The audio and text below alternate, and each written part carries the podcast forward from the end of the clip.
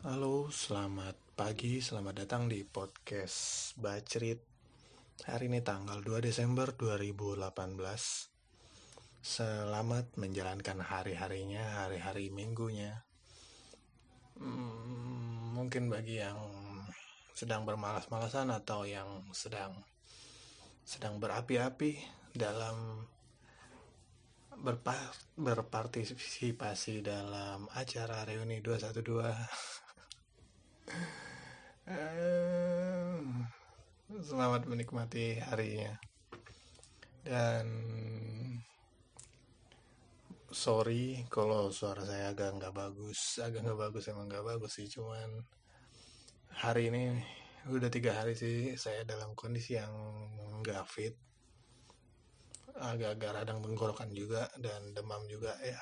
Tapi saya masih tetap ingin produktif. Oke. okay. Karena apa? Karena skrip-skrip untuk episode eh, untuk episode untuk podcast bacrit ini sudah lumayan menumpuk. Udah lama dan gak disentuh-sentuh. Oke. Untuk episode kali ini saya pengen ngebahas tentang merantau. Merantau. Kebetulan karena saya baru pulang dari tanah rantau ke daerah asal, tempat asal saya, tempat daerah saya tumbuh besar. Hmm, iya, karena itu aja.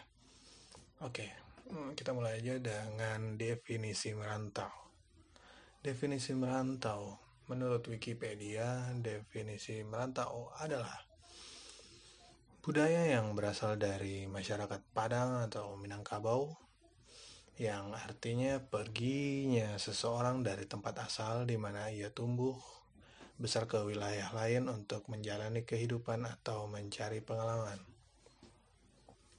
Kalau menurut saya pribadi, merantau adalah pergi keluar dengan meninggalkan semua identitas-identitas yang terus kita pegang ya contoh darah dari orang tua atau materi dari orang tua atau eh, link-link atau pergaulan kita di kampung atau di di tempat asal kita menjadi ke menjadi nol lagi kita berangkat ke tempat asal ke tempat rantau dengan segala sesuatunya nol dengan duit yang nol dengan orang yang nggak tahu kita darah siapa sisi keluarga kita atau dari kita temannya siapa atau siapa. Kita hanya berangkat dengan diri kita sendiri menjadi diri kita sendiri.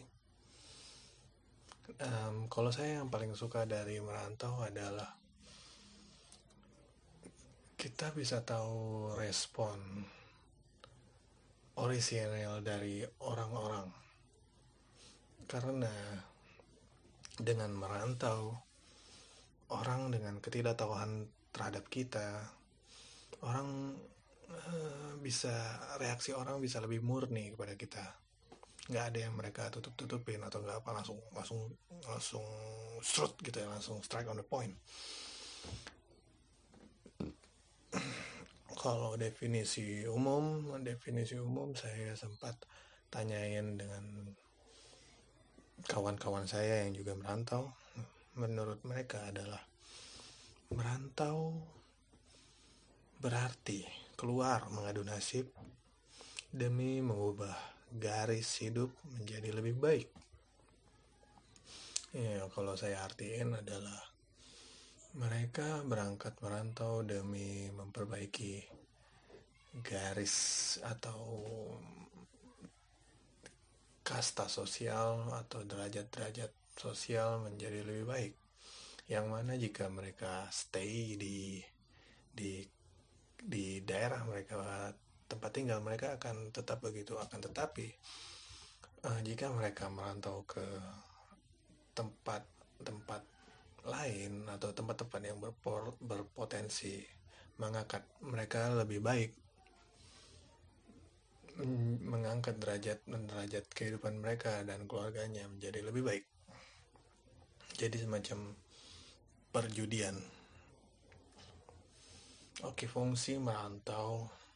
Kalau menurut saya adalah merantau berguna untuk mengukur diri sendiri, lalu untuk lebih kenal dengan diri sendiri dan menjadi sadar dengan diri sendiri. Karena merantau kita terbebas dari segala macam ilusi, ilusi-ilusi yang tumbuh subur selama kita di daerah asal kita. Yaitu dulu kalau contohnya saya kalau dulu tuh saya pikir saya itu oke okay. kalau dulu saya pikir saya itu wow ya ya seperti itu setelah merantau wah baru ketahuan tuh oh ternyata saya goblok ternyata saya enggak penting sama sekali dan dan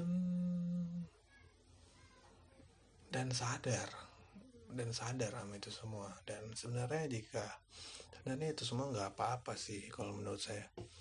Yang penting kamu sadar dan kamu mau berusaha menjadi lebih baik dari diri kamu yang kemarin. Menjadi best version of yourself menjadi versi terbaik dari dirimu. Jangan menjadi versi terburuk dari dirimu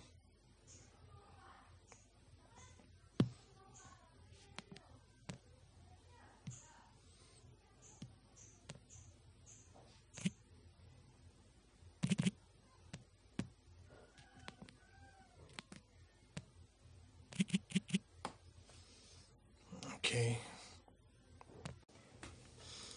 Mungkin agak-agak out of topic tapi saya pengen selingin selingin tentang kisahnya Chris McCandles atau atau dikenal dengan Alexander Supertramp dari film Into the Wild. Jadi mungkin saya uh, saya terlalu meromantisasi kisah-kisah kisahnya Alexander Supertramp um, kalau bagi yang nggak tahu Into the Wild berkisah tentang seorang anak anak muda umurnya sekitaran 23-24 dia memilih untuk tinggal di alam bebas setelah kuliah, setelah lulus kuliah, dia berencana pergi jauh, jauh yang dia mampu. Tanpa uang, tanpa teman, tanpa handphone. Hanya dia dan alam bebas, alam liar. Wah, saya waktu nonton cerita itu, oh, ini sih. ya, kayak ya mungkin memang saya terlalu meromantisasi kisahnya itu cuman di film itu si Alexander Supertramp punya poin dia dalam jurnalnya dia sebut dirinya sebagai ekstremis. Ekstremis. Ekstremis. Seseorang yang berperilaku ekstrim atas ideologi yang dia pegang. Lalu scene yang sangat memorable bagi saya dari film itu adalah dia uh, pada ketemu ketemu sama hippies hippies hippies eh sampai bunyi bentar ya. Eh, sampai mana tadi? Oh ya dia ketemu hippies Alexander Supertramp ketemu hippies um, pasangan hippies yang ke mana-mana. Um, pakai van pakai minivan terus di pantai si Alex tanya sama hippies itu. Dia kan karena Alex itu kan di komplain kamu ini masih muda tapi kamu kayak ngapain gitu? Kamu ngapain kalau bebas kayak nggak ada kerjaan? Kamu ngapain nggak urus-urus masa depanmu nggak pikirin orang tua? Terus si Alex nanya balik nanya balik dia. Uh, terus accept love accept possession pride power faith give me the truth.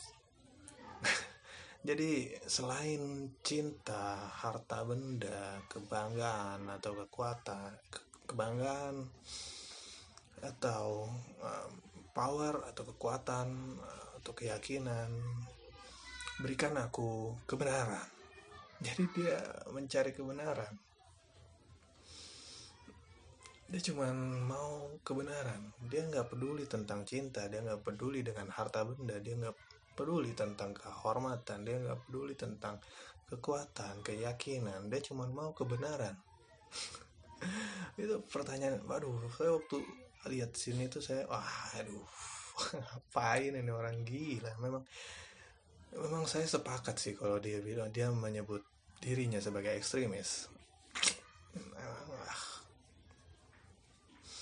Ya, mungkin kembali lagi. Mungkin ini kalau ketika saya bilang, mungkin saya terlalu meromantisasi pemikiran Alex.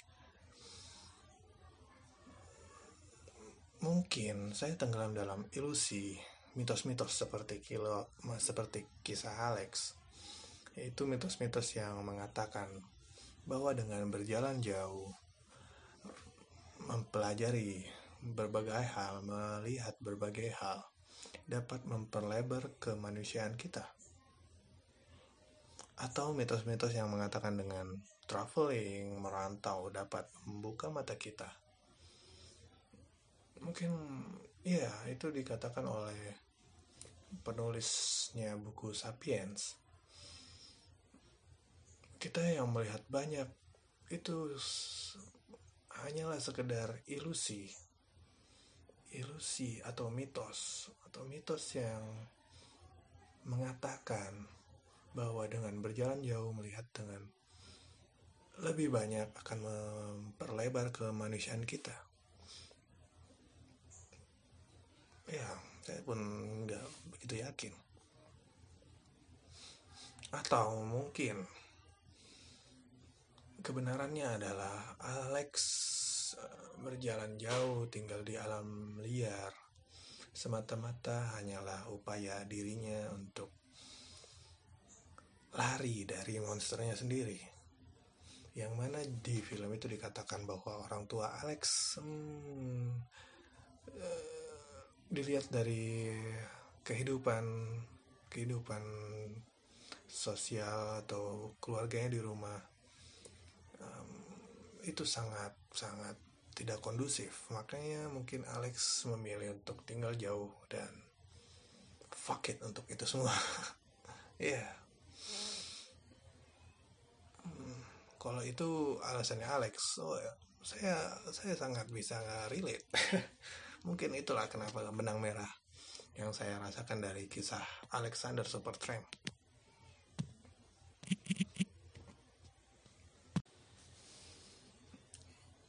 Lalu di skrip saya ini saya tulis tentang saya cantumin tentang tulisannya Eka Anas yang berjudul berjudul uh, dewasa dewa dewasa gitu. Nah Eka Anas adalah vokalis dari band.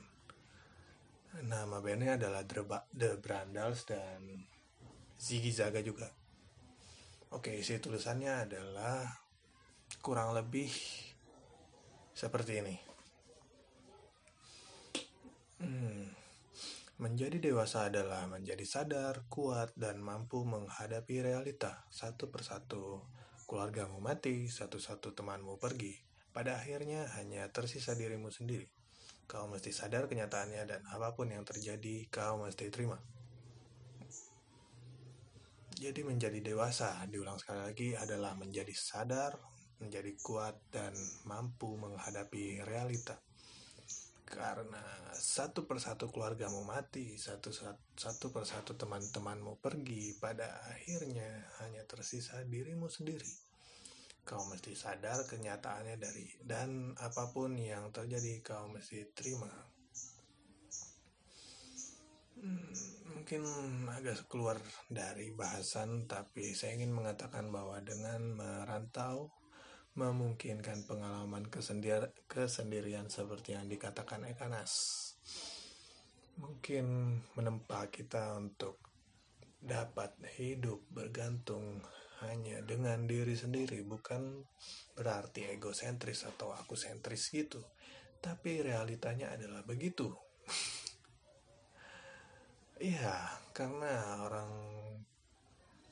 keluarga kalau kita bergantung pada keluarga bisa jadi kita duluan yang mati atau orang atau keluarga yang satu persatu pun pergi. Jika kita bergantung pada teman ya, teman satu persatu pun akan pergi. Yang pada akhirnya hanya tersisa cuman diri kita sendiri jika kita tidak melatih diri kita untuk bisa sendiri hidup sendiri maka kita mungkin akan gagal dalam hidup karena kita tidak terbiasa dengan kesendirian. Ada quote juga yang bilang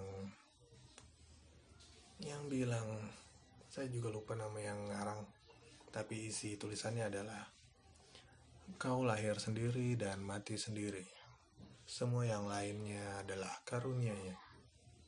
Ya, karena kita terlahir sendiri dan akan mati sendiri. Semua sisa-sisa, semua sisanya daripada hidup dan mati itu, semuanya adalah karunia-Nya. Mungkin yang maksud adalah karunia Tuhan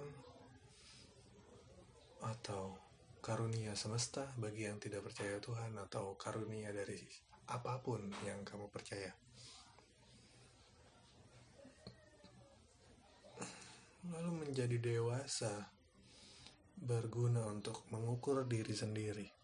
Lantas, apa pentingnya mengukur diri sendiri? Kita sering kali tenggelam dalam pikiran atau ilusi tentang betapa pentingnya diri kita, betapa hebatnya diri kita. Faktanya adalah kita tidak pernah sepenting itu dan tidak pernah sehebat itu.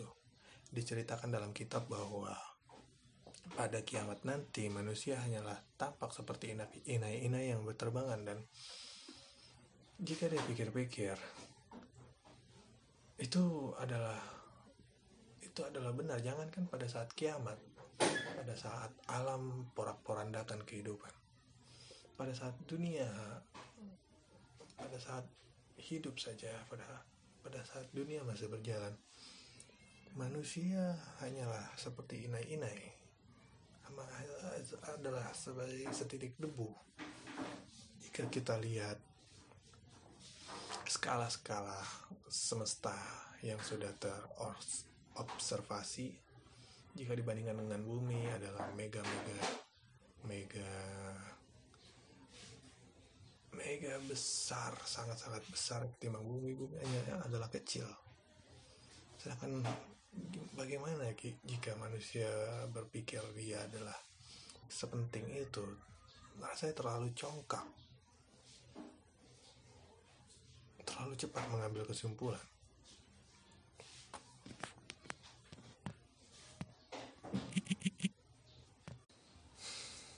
Oke lah, rasanya segitu aja dulu karena saya juga nggak yakin apa yang saya, saya omongin.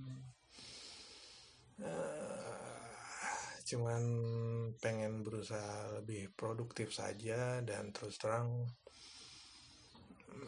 saya benci aksen-aksen saya di episode sebelumnya dan saya pengen bawain podcast dengan aksen-aksen daerah saya karena saya lumayan cinta dengan kedaerahan saya. Ya seperti itu sepertinya itu aja. Oke lah. Sampai jumpa di lain waktu. Terima kasih untuk mendengarkan dan terima kasih. Bye bye